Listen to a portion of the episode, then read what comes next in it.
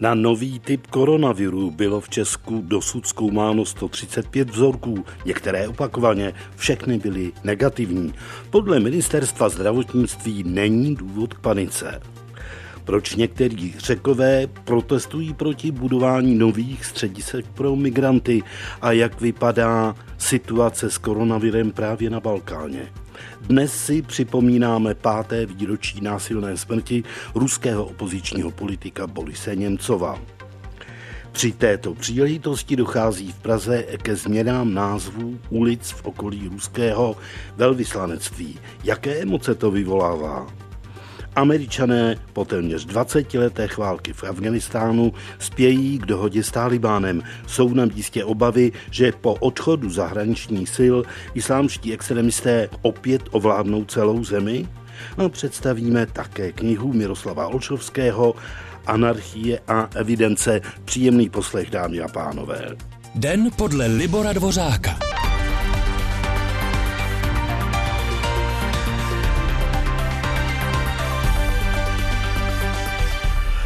Veřejnost by kvůli koronaviru neměla propadat panice. S takovým vzkazem vystoupil ministr zdravotnictví Adam Vojtěch za hnutí Ano po jednání vládní ústřední epidemiologické komise. V případě podezření mají lidé kontaktovat lékaře, pokud možno telefonicky. Národní laboratoř zatím vyšetřila 135 vzorků, ale všechny byly negativní. Znovu si zdůraznit, že skutečně všichni, kterých eh, se to týká, to znamená všechny orgány, které toto mají na starosti, zejména orgány ochrany veřejného zdraví, ministerstvo zdravotnictví, a nemocnice a další, jsou v pohotovosti a jsou připraveni eh, vlastně nepřetržitě jednat, včetně státního zdravotního ústavu. Eh, na druhou stranu prosím občany, aby nepropadali panice. Skutečně není k tomu jakýkoliv důvod.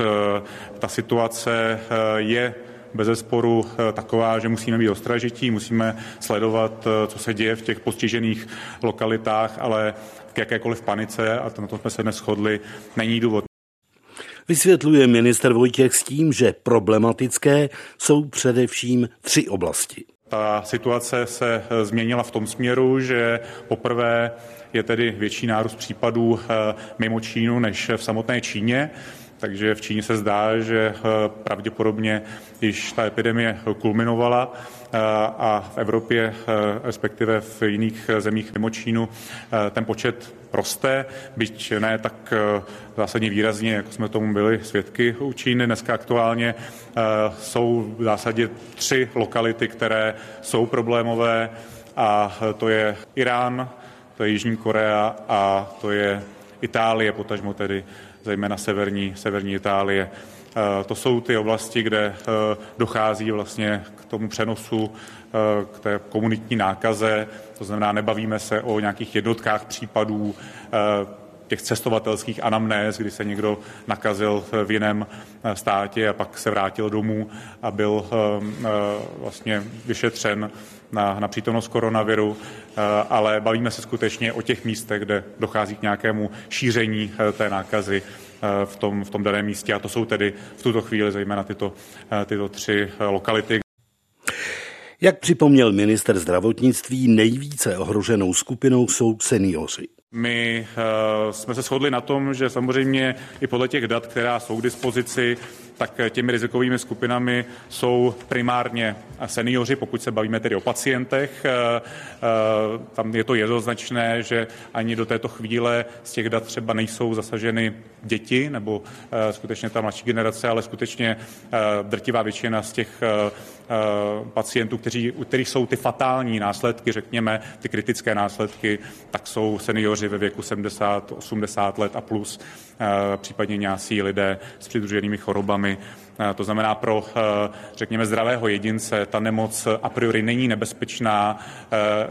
V většině případů i na základě dat, která máme k dispozici, přes 80% případů má lehký průběh. To znamená, jsou to skutečně horečky, případně kašel, dušnost, ale nikoliv nějaký závažný stav, který by bylo nutné hospitalizovat nebo kde by skutečně to bylo tak kritické, že by ten člověk vlastně bojoval, bojoval o život. Náměstek ministra Roman Primula v České televizi apeloval na lidi, že není důvod vykupovat obchody. Jedná se podle něj o respirační onemocnění, které je sice mírně závažnější než chřipka, ale není to mor. Někteří lidé se podle Romana Priuly chovají, jako kdyby přišla právě morová rána a druhý den bychom měli vymřít. Bohužel v některých obchodech my dostáváme občas eh, obrázky toho, eh, jak jsou vykoupené regály, zejména s trvanlivými potravinami. Opravdu si myslíme, že to není na místě, protože eh, ten systém, zásobo, systém zásobování u nás je velmi dobrý a i kdyby nakrásně došlo k izolaci nějakého místa, tak to zásobování bude zabezpečeno a v případě opravdu krizového stavu, o kterém si myslíme, že nenastane, by se zapojili hasiči z distribucí potravin vlastně ze státních hmotných rezerv. Takže toto riziko je opravdu minimální. Ty zásoby se doplňují, je to pro případ nějakých živelných katastrof a v případě vlastně takovéto biologické záležitosti to může být považováno za katastrofu, pokud by to bylo obrovského rozsahu. V tomto případě to zatím zdaleka nesplňuje tyto parametry parametry. Některé tuzemské cestovní kanceláře zaznamenaly rostoucí počet požadavků na storna zájezdů. Netýkají se přitom pouze cest do Itálie a nejbližších dat, ale i dalších zemí v Evropě i mimo a termínu za několik měsíců. Klesá poptávka po exotických letních dovolených, které podle cestovních kanceláří lidé běžně plánují dlouho předem. A pohled do zahraničí. Doposud 14 lidí zemřelo v Itálii v důsledku nákazy právě novým typem koronaviru.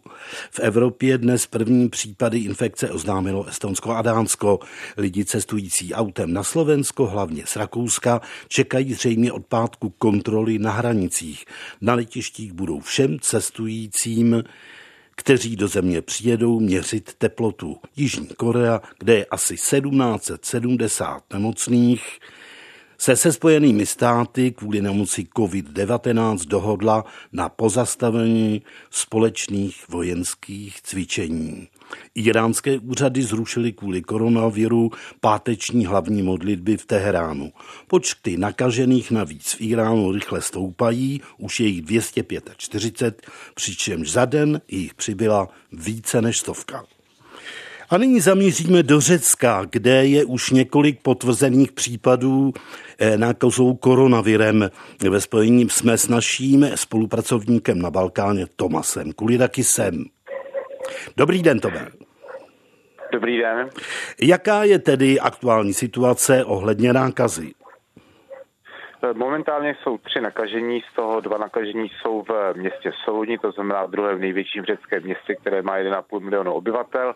No a dnes byla potvrzená nákaza třetí, to znamená, že se vyskytl třetí e, případ potvrzeného viru a ten se tedy vyskytl už v Aténách, to znamená ve městě, které má dohromady tedy i s turisty a zahraničními návštěvníky a kolem 6 milionů obyvatel.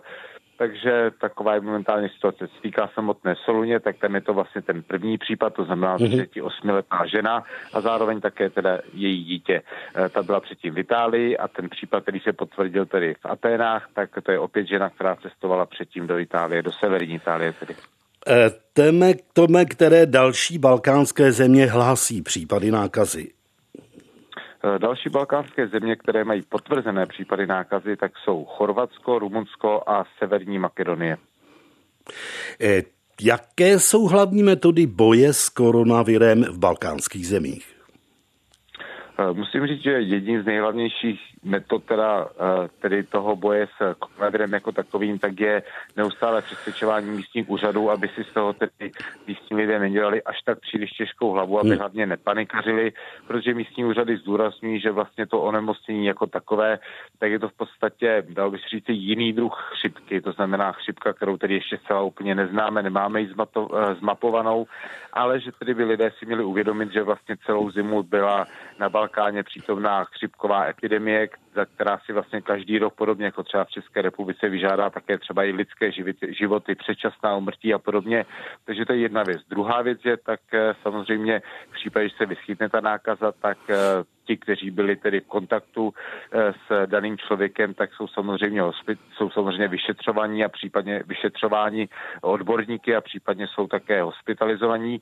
No ale hlavně tedy úřady kladou velký důraz na to, aby lidé především dodržovali ty hygienické návyky, které jsou potřebné pro zachování tedy dobrého zdraví eh, v, jako, v jakémkoliv období. To znamená, aby si, byli, aby si myli eh, pravidelně ruce, aby tedy předtím začnou jíst, tak si také opět umyli ruce, aby když cítí na sobě nějaké příznaky, tak nechodili k lékaři, to je pro případ i v případě jiných epidemí, které nechodili k lékaři, přivolali lékaře k sobě a podobně, ale že by byla například docházelo k nějakému zastavování mezistátní dopravy, anebo dokonce byly přerušované spoje s Itálií jako takovou, tak eh, k tomu převážně nedochází, dokonce například mezi Řeckem a Itálií nebo Albánií, Itálií, Chorvatskem, Itálií dále plují i lodě, takže eh, k tomu, tomu zatím nedochází, no ale zároveň se tedy místní úřady snaží vyvracet tedy různé fámy, dezinformace, to, co bývá nazýváno takzvanou infodemí, to znamená ano. Eh, to znamená například, že by pomáhal česnek, anebo že úřady tají nějaké informace a podobně. Eh, Tome, Řecko ale řeší i jiné problémy. Selzný plyn, třaskaminy, blokády přístavů, požáry, ozbrojený aktivní i pasivní odpor proti posílené pořádkové policii. Tak to vypadá na některých řeckých ostrovech a obyvatelstvo dalších se chystá k témuž. Asi už tušíme, co je příčinou, ale ty nám to vysvětlíš přesněji. Tou příčinou je tedy plán řecké vlády, že Eh, vybuduje nová uzavřená centra pro migranty na těch pěti nejzatíženějších hmm. ostrovech v Egejském moři. Eh, místní se proti tomu zbouřili a vlastně už minulý týden, když demonstrovali před řeckým ministerstvem vnitra, já jsem s nimi mluvil s jejich politickými eh, představiteli a také s místními obyvateli, tak říkají s běžnými, tak ti mi říkali, že budou klást odpor pasivní, ale tento týden se to zvrlo odpor tedy aktivní, protože atenská vláda vlastně poslala na, především tedy na ostrov Lesbos Zachios pořádkovou policii z Aten, která se pokusila vylodit v noci. Už tehdy jim v tom místní se pokusili zabránit, do té doby zavládla válka v podstatě pouliční na těch ostrovech, která má desítky zraněných, mezi nimi je i přes 40 policistů. No a právě proto řecká vláda tedy ty policejní složky eh, stála s tím, že tedy místní vyčítají právě vládě, že, eh, že eh, si počíná autoritářsky, hmm. nedemokraticky a podobně, protože opravdu eh, těch zraněných je celá řada. Ta síla, která byla použitá, tak byla opravdu extrémní. U nás bych to třeba přirovnal k 17. listopadu, tím ale, že bez vodních děl, ale za to se slzným plynem, třaskavými výbušnými, oslepujícími granáty, molotovými koktejly, kameny eh, a ty kameny jádry samozřejmě i policisté, takže to byla opravdu pouliční válka. A právě proto po dvou dnech, respektive třetí den eh, těch konfliktů a zároveň také v souvislosti s tím, že ostrované neustoupili, tak vláda řecká se rozhodla nenadání stáhnout všechny tyto pořádkové síly, ale i při jejich odjezdu docházelo k konfliktům a ty pořádkové síly tedy podle Ostrovanu a videí, které jsou přístupné v médiích, na rozloučenou Ostrovanu rozbíjeli auta, napadali jejich civilů a podobně. To byl Tomas Kulidakis, náš stálý spolupracovník eh, na Balkáně a ve východním středomoří. Tomé, děkuji a pěkný večer. Děkuji, nashledanou. Jedno hodně smutné výročí. Přesně před pěti lety byl na mostě přímo u Kremelské zdi zavražděn zřejmě nejvýraznější ruský opoziční politik posledních let Boris Němcov. Pětice jeho bezprostřední vrahů sice dostala mnohaleté tresty za mřížemi, ale objednavatele této jasně politické vraždy se nepodařilo odhalit a zřejmě se to už nikdy nepovede. Přímo na místě téhle tragédie natáčela Ivana Milankovičová. Je kolem nuly a svítí slunce, takže i když fouká ledový vítr a pocitová teplota je mnohem, mnohem nižší, tak by se to ještě pořád dalo považovat za jednu z těch lepších hlídek, kterou tady na dohled od kremelských hradeb drží dobrovolníci. Ve dne, v noci, v dešti, v mrazu, Zahorka, nepřetržitě už pět let. První roky byly opravdu hrozné, když Putina oslavovali za Krym. Přicházeli sem takoví, co tvrdili, vy jste zrádci, jste najatí američany, plivali na ženské. Vzpomíná na začátky hlídek na velkém moskvoreckém mostě pan Grigory Saxonov. Na stráži se střídá s dalšími dobrovolníky prakticky od první chvíle, kdy začal přímo na místě vraždy Borise Němcova vznikat lidový památník. Poté, co portréty zavražděného opozičního lídra poničili nebo ukradli stoupenci ruské krajní pravice, hlídají pětní místo bez přestávek. Chápete, oni jsou v první řadě naštvaní, že tu jsou informace o tom, kdo to byl Boris Němcov, že tu jsou jeho fotky. Přitahuje to i pozornost lidí, kteří dřív moc neznali Borise Němcova. Chtějí, aby lidé zapomněli. Vysvětluje Irina Kulikovská, která pana Grigoryho doplňuje. Naposledy se podle ní extremisté pokusili památník zničit loni v prosinci. Ani ona, ani Grigory Saxonov, bývalého ruského vicepremiéra a hlasitého kritika prezidenta Putina, neznali osobně. Já tu bývám dva dny, úterky a čtvrtky, přecházím sem kolem 6.15, jezdíme prvním metrem a střídají mě pak v 8 večer. Jak říká pan Grigory, je to prý lepší, než bývalo. Dřív tu stával na stráži i 18 hodin v kuse. A co mám dělat? To nemůžu vysedávat na gauči. Já jsem tu dvakrát týdně, když hlídkuje Grigory. Obvykle přinesu teplou polévku, aby se trochu ohřál a odpočinul si. Pan Grigory dokonce po jedné z hlídek skončil v péči lékařů, když ho extremisté napadli. Já noču dežuril. Oblili věci. Měl jsem hlídku v noci, polili mi věci nějakými výkaly, nějakou močí. Třikrát jsem pak musel všechno prát v pračce. Prstli na mě i nějakou kyselinu, teda ne přímo kyselinu, ale nic jsem neviděl. Volali jsme záchranku. Jak on i paní Irina připouštějí, velká část dobrovolníků je, stejně jako oni už v důchodu. Jednou z výjimek býval 36-letý Ivan Skripničenko. Neznámý útočník ho ale v srpnu 2017 přímo během hlídky brutálně zbyl. Na následky zranění zemřel v nemocnici. Jde o druhou tragickou smrt na tomtéž místě. Dva a půl roku poté, co chvíli před půlnocí na dohled od kremelských hradeb zasáhlo Borise Němcova dozad několik výstřelů. Za vraždu poslal soud do vězení na 11 až 20 let pětici rodáků z Čečenska. Ta nejpodstatnější otázka ze všech ale zůstává i po pěti letech nezodpovězená. A to, kdo si vraždu Borise Němcova objednal. Z Moskvy Ivana Milenkovičová, Český rozhlas. A s autorkou reportáže, kterou jsme právě vyslechli, naší stálou spravodajkou v Ruské federaci Ivanou Milenkovičovou, teď živě. Ivano, dobrý večer do Moskvy. Dobrý večer. První otázkou bych se rád vrátil k tomu vašemu velmi zajímavému materiálu. Vědí strážci pětního místa na kamenném mostě, kdo na ně útočí? Jsou to spíše muži z lidu, anebo někdo, kdo tam přichází služebně? Tak jak říkali sami dobrovolníci na mostě ze začátku, když začínali hlídkovat, to bylo poměrně široké spektrum lidí, kteří na ně slovně nebo i fyzicky útočili, včetně obyčejných lidí procházejících eh, kolem po mostě. To bylo na vrcholu takové té národovecké euforie, řekněme euforie spojené s anexí Krymu a začátkem války na Ukrajině, tedy války vůči které se Boris Němcov ostře vymezoval a o níž se chystal před svou smrtí mimochodem eh, vydat velmi velmi kritickou publikaci s názvem Putin válka hmm. a zároveň taky proti válce na Ukrajině svolal velký protest, kterého se tedy už eh, osobně nezúčastnil. Podle toho, co ale pak říkali aktivisté, dnes je to poměrně jiné. Zaměřují se na něj jmenovitě stoupenci z krajně pravicového hnutí hmm. Serb. Ehm, to je takové nechvalně proslulé hnutí, hm, ta zkrátka znamená jeho východní radikální blok.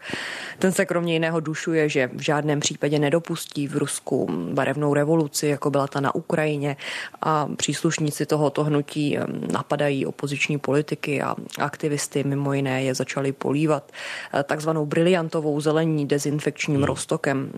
A tarčem takového útoku se stal před časem třeba i opoziční politik Alexej Navalný, kterému hm, tuhle tekutinu chrstli do oka. Eh, Ivano, co se vlastně dnes při téhle smutné příležitosti odehrávalo v Moskvě i jinde po Rusku? Já jsem se například dočetl, že eh, mělo být jakési pětní setkání na Němcovově hrobě. Ano, je to tak. Setkali se tam lidé, kteří ho znali osobně i kteří eh, tam přišli na krátkou vzpomínku. Stejně tak lidé už od rána přinášeli květiny přímo k provizornímu památníku na Velkém Moskoreckém mostě, tedy přímo na místo, kde byl Boris Němcov eh, před pěti lety na dohled od kremelských hradeb zavražděn. Eh, byli tam i diplomaté ze zemí Evropské unie, ti se tam vydali společně v dopoledních hodinách. Já jsem se o tom tu vrátila před chvílí a mhm. řada kytic eh, na místě vraždy se táhne opravdu v délce třeba 30 i víc metrů. Lidé mm, tam zapalují svíčky, vzpomínají. Liberální hnutí Solidarnost, v jehož čele stál Němcov, taky už touto dobou zahájilo vzpomínkový večer a stejně tak se pěta v průběhu dne konala i v Nižném Novgorodu, kde dřív Němcov žil a byl tam gubernátorem. E, na sobotu se rovněž na počest Borise Němcova v Moskvě na Strastném bulváru e, chystá tokrát povolený pochod. Co by mělo být, kromě vzpomínky na Němcova jeho ideovou náplní, e, budou to protesty proti chystaným ústavním změnám? Je to tak částečně, ano. Eh, tomu bude ten pochod věnovaný. Eh, kromě samotné vzpomínky na Borise Němcova je v plánu té akce využít i k vyjádření nespokojenosti obecně s kurzem vlády prezidenta Putina a strany Jednotné Rusko, tedy i s nedávnými mm, tvrdými verdikty v kauze skupině, eh, skupiny síť, mm-hmm. i s, obecně s těmi chystanými ústavními změnami, o kterých se bude hlasovat už brzy, jak je jasné po včerejšku už 22. dubna.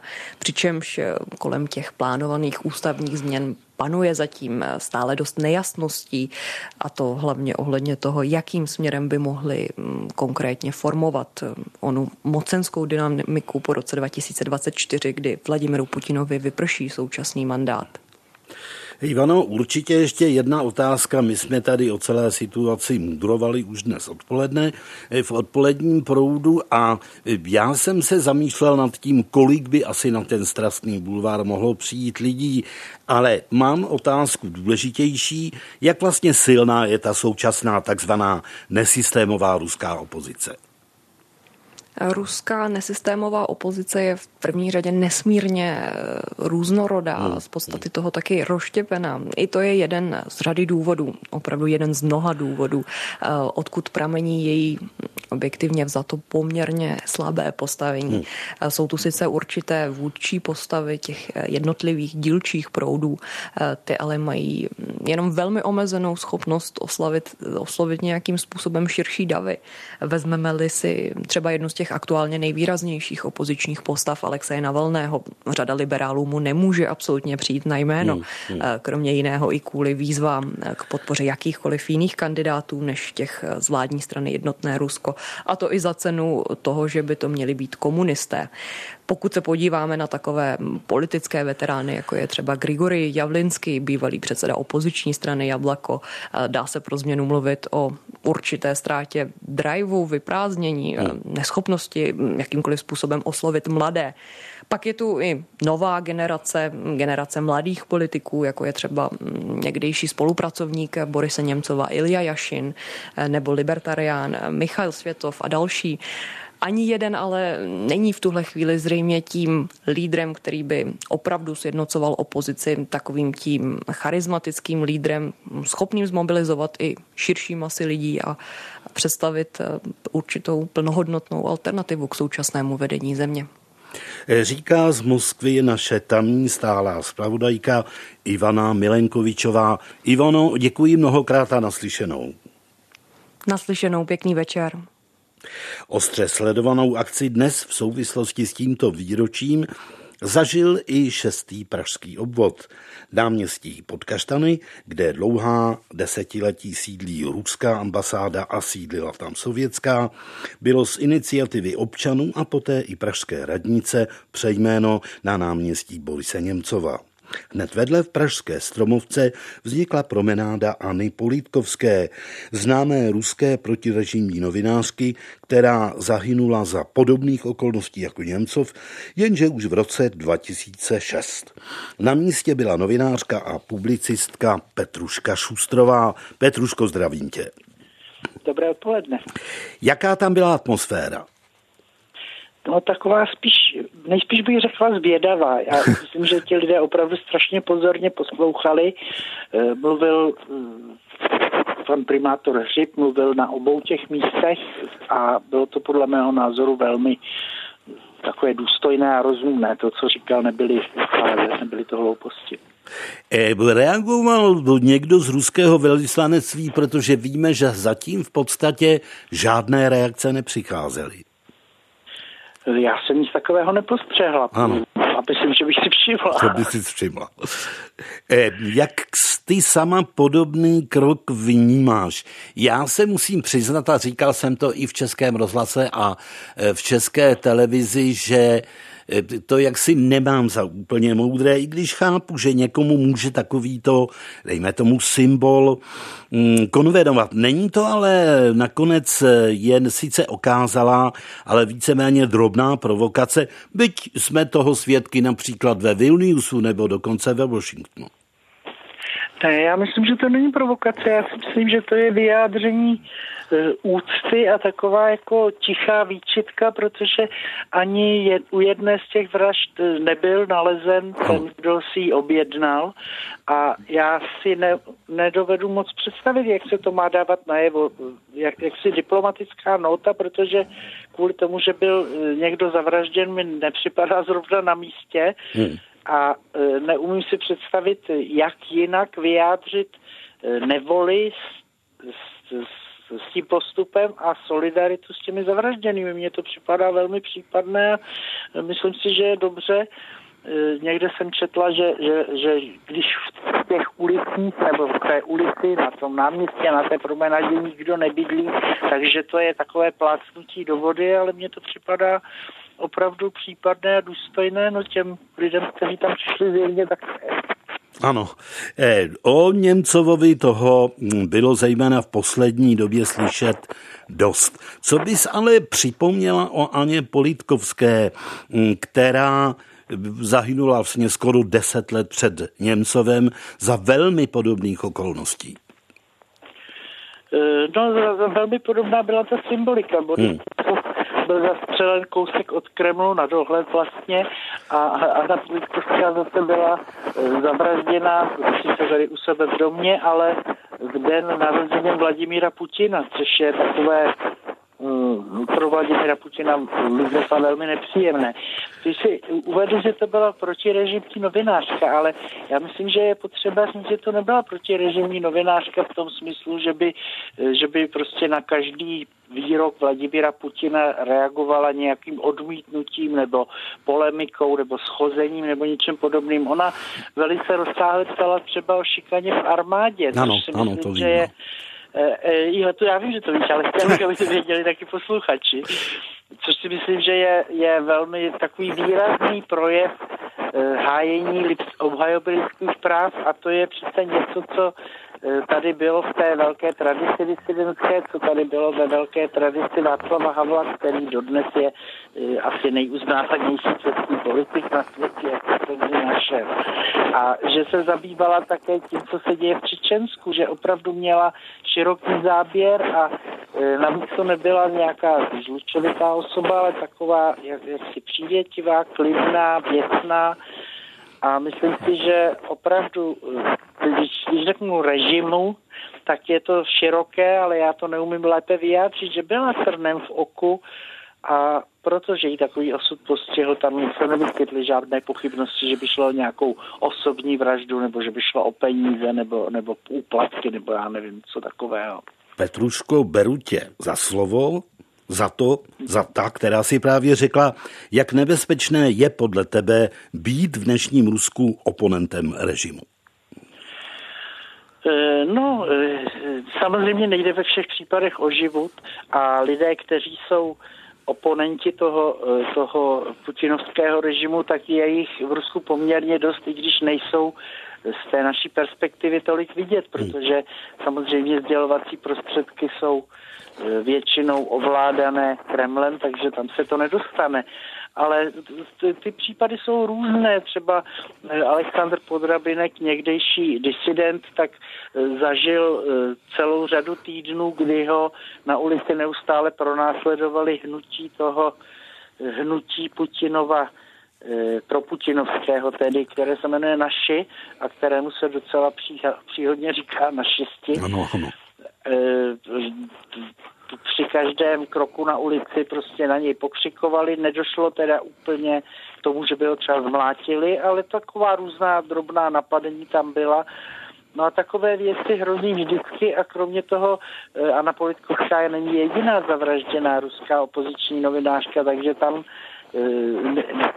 jestli není to tak, že by se ten člověk musel chvět od rána do večera, ale skutečně neví, co se mu může stát zítra, takže nebezpečné to je. Říká Petruška Šustrová. Děkuji a i tobě pěkný večer. Hezký večer. Posloucháte Den podle Libora Dvořáka. Výběr událostí s nezaměnitelným rukopisem. Premiéra od pondělí do pátku po 17. hodině na Plusu. Pokud do soboty vydrží sklidnění bojů v Afganistánu, podepíšou američani s Talibánem první fázi mírové dohody. Po 18 letech bojů, nejdelší válce v americké historii, by Washington chtěl začít stahovat ze země většinu vojáků. Panují ovšem obavy, že po odchodu zahraničních sil islámští extrémisté opět ovládnou celou zemi. Ve studiu už je zahraničně politický komentátor Českého rozhlasu Milan Slezák. Milane, zdravím Krásný den přeji. E, má už někdo představu, co by mohlo být obsahem té zmíněné dohody? Ano, už to víme několik měsíců. Tam bylo velice důležité, kdo z toho získá víc, protože obě strany mají Eh, troufám si říci, stejný zájem na tom, aby ta dohoda byla uzavřena, protože obě strany jsou těmi dlouhými boji vyčerpané.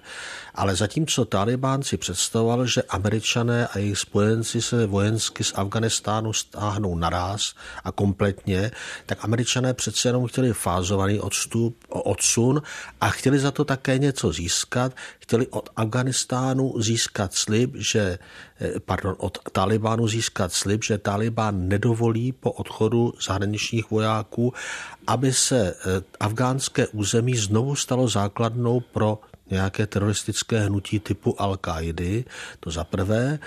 A za druhé, ale to až v poslední době, začali američané po Talibánu chtít, aby začal jednat s afgánskou vládou. A na to Talibán zprvu neslyšel. Komplikace, které se objevily i při eh, bojů minulý rok, vedly k tomu, že ta dohoda, která měla být podepsána už v září minulého roku, nakonec bude podepsána až teď. Eh, ostatně, jak se zatím dodržuje onen týden klidu a ještě jedna podotázka, proč o něm ani jedna strana nechce mluvit jako o příměří? Tak pokud jde o tu druhou otázku, tak striktně a technicky vzato je příměří pouze takový stav klidu zbraní, kdy obě strany podepíší příslušnou dohodu. Jinak je to klid zbraní. Můžeme o tom, co se děje teď v Afganistánu, mluvit právě jako o klidu zbraní nebo o nějakém zkušebním období, které bylo nutné pro to, aby si obě strany začaly trochu více přece jenom důvěřovat, i když spolu jednají velice velice dlouho v Kataru, ale eh, ten klid zbraní se v podstatě dodržoval. Ale když říkám v podstatě, tak musím říci, že podle afgánské vlády během toho období spáchali teroristé, řeknu to takto mm-hmm. obezřetně, protože nevíme přesně, kdo to byl. Talibán totiž říká, že jeho lidé to nebyli. Několik útoků na příslušníky afgánských bezpečnostních sil a při nich zemřelo 20 lidí. A ve středu Kábulem otřásla exploze, tam byla improvizovaná nálož na motocyklu, která zranila devět lidí. Ale až na tyto incidenty nemám ne, jsem se dostal k žádný zpráv o tom, že by ten klid zbraní byl nějak výrazně porušován, což může znamenat, že Talibán má opravdu zájem na tom, aby se ta mírová dohoda podepsala. Eh, Milane, ty už si to vlastně naznačil a to každý uvažující člověk eh, jistě pochopí sám. Nehrozí tu nebezpečí, že Taliban opět plně opanuje situaci, jakmile se američané a další západní jednotky stáhnou. Ano, to nebezpečí tady samozřejmě je, eh, protože Taliban se může stokrát zavázat k tomu, že bude jednat s afgánskou vládou a, a s představiteli dalších složek, nevládních složek afgánské společnosti, ale pokud uvidí, že je vojensky silnější eh, než afgánská armáda a je pravda, že alespoň v jedné době byli ozbrojenci bojující za Taliban daleko motivovanější než vládní vojáci a mezi námi také lépe placení než hmm. vládní hmm. vojáci, tak to nebezpečí tady samozřejmě je, ale pro Američany je evidentně daleko důležitější to, aby už se konečně z Afganistánu, v němž nalezlo smrt 2400 amerických vojáků za celou tu dlouhou dobu té války, stáhli a to v podstatě za jakýchkoliv podmínek.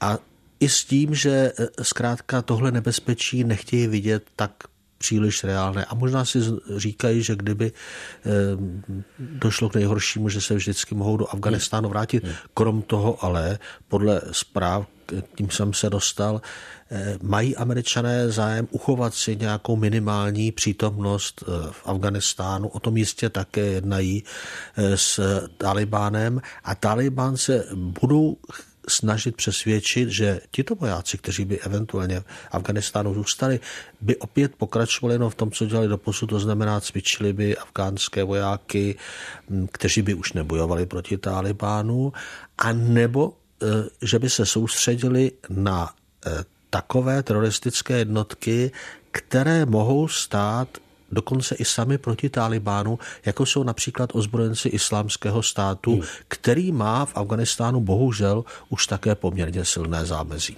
Poslední otázka pro Milana Slezáka. Milane, prosím o stručnou odpověď. Do jaké míry lze tento Trumpův tak považovat za předvolební? Tak samozřejmě předvolební, ale jedná se o tom dlouho.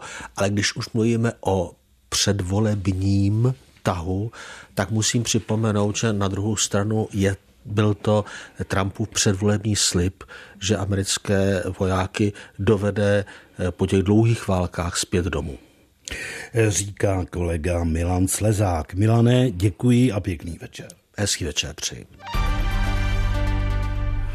A u amerických prezidentských voleb vlastně ještě zůstaneme. Voliči demokratů půjdou v sobotu ve Spojených státech hlasovat v prezidentských primárkách už druhý víkend po sobě, kdežto republikáni znovu zůstanou doma. Stejně jako minulý týden v Nevadě i teď v Jižní Karolíně totiž vedení tamní republikánské strany primárky zrušilo. Stejně to udělá ještě nejméně pět dalších amerických států, kde republikáni podpoří Donalda Trumpa a automaticky mu přidělí všechny delegáty. Přitom podle zpravodaje Jana Kaliby má prezident protikandidáty a těm se to pochopitelně nelíbí.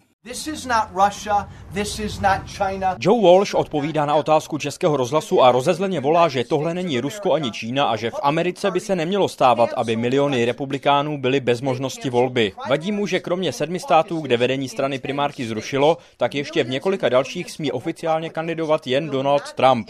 Někdejší republikánský kongresmen Walsh už z primárek během února odstoupil. V předem prohraném souboji s prezidentem, který má mezi republikánskými voliči obrovskou podporu, pokračují bojují dva soupeři. Tím významnějším je bývalý guvernér státu Massachusetts William Weld.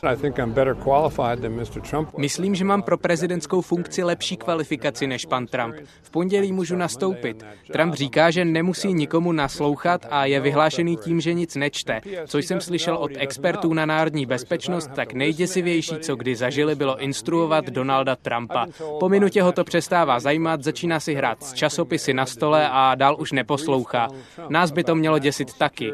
Říká Welt, zatímco Trump své soupeře v primárkách okázale ignoruje a kampaň zaměřuje rovnou na podzimní volby. Welt jako jediný zatím dokázal Donaldu Trumpovi uzmout delegáta pro letní nominační sjezd. Nutno dodat, že jednoho z 62, o které se zatím skutečně soupeřilo a kteří nebyli prezidentovi přiděleni automaticky. Pokud o znovu zvolení usiluje úřadující prezident, jeho stranická nominace se předpokládá a strany v některých státech v tomto případě rušily primárky i v minulosti. I na to upozorňuje vedení republikánů třeba právě v Jižní Karolíně, kde v sobotu půjdou hlasovat jen demokrati. Kritici argumentují, že ale minulí prezidenti proti sobě obvykle neměli seriózní konkurenci. Zrušit primárky, když proti prezidentovi kandiduje dvakrát zvolený guvernér, to není dobrý nápad. Vysvětlení jsou jako obvykle falešná, že prý není žádný soupeř a že pořádat volby je příliš drahé. Pokud zrušíte všechny volby, co stojí peníze, tak už nebudeme mít demokracii.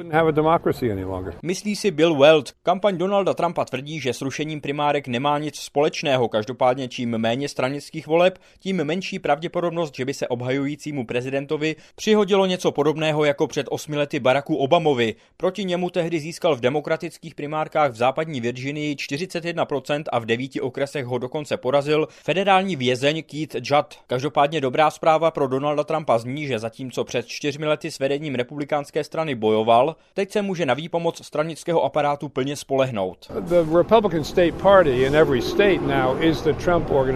Republikánská strana v každém státě je teď Trumpovou organizací, protože i celonárodní výbor strany splynul s Trumpovou kampaní. To se ještě nikdy nestalo, takže si myslím, že mým úkolem je zajistit, aby se lidi o republikánských primárkách vůbec dověděli. Říká Welt a nedělá si iluze, že by mohl Trumpa porazit. Chce republikánům nabídnout alternativu a sebrat prezidentovi pokud možno co nejvíc hlasů, hlavně ve svém státě Massachusetts příští týden v rámci super úterý. Ze Spojených států Jan Kaliba, Český rozhlas.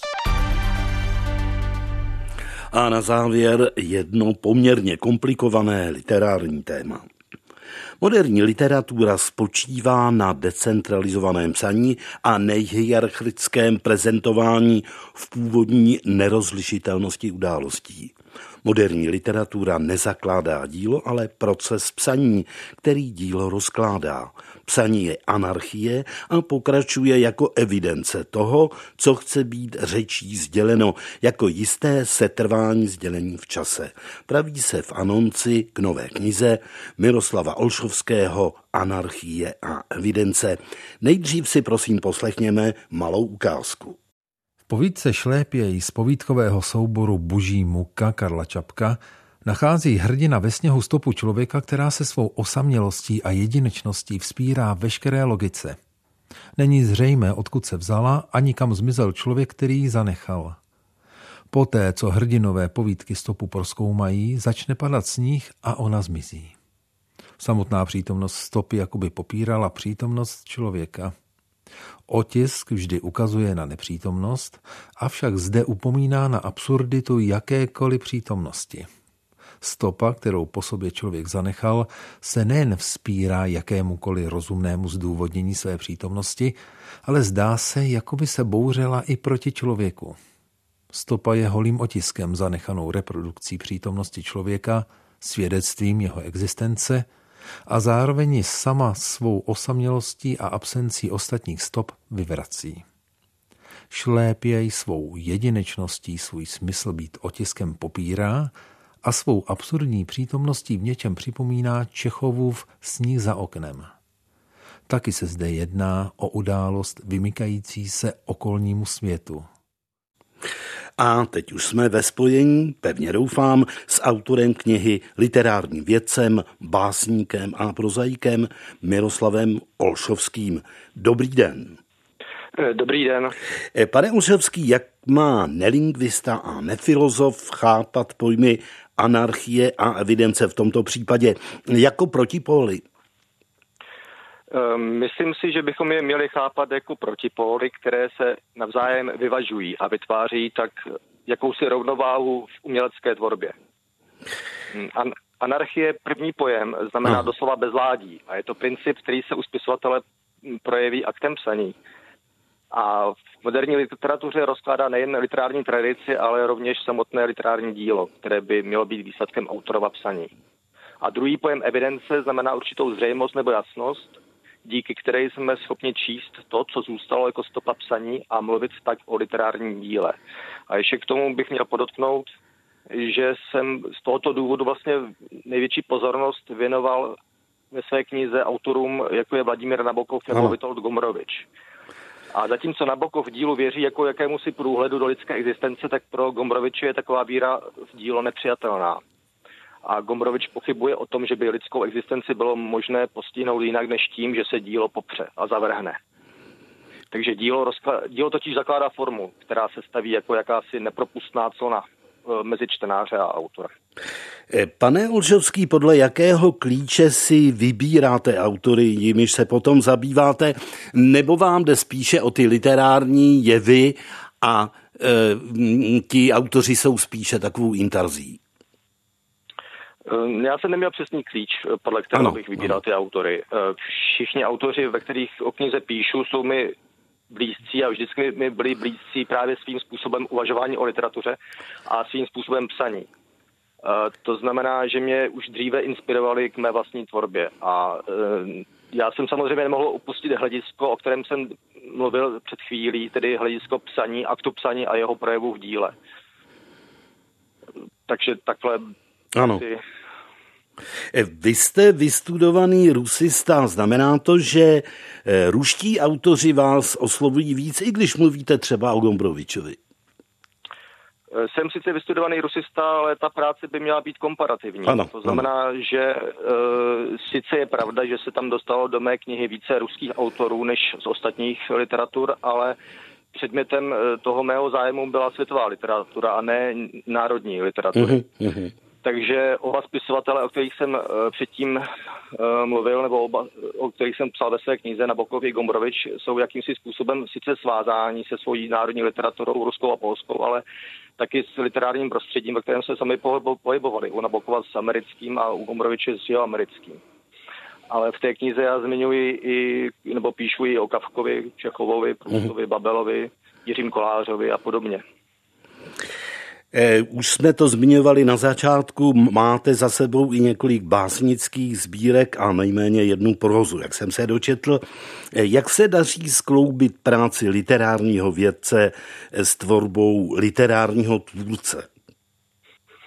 Já se snažím, aby šlo o jakési dvě, téže, eh, o dvě strany téže mince, protože obojí spolu souvisí.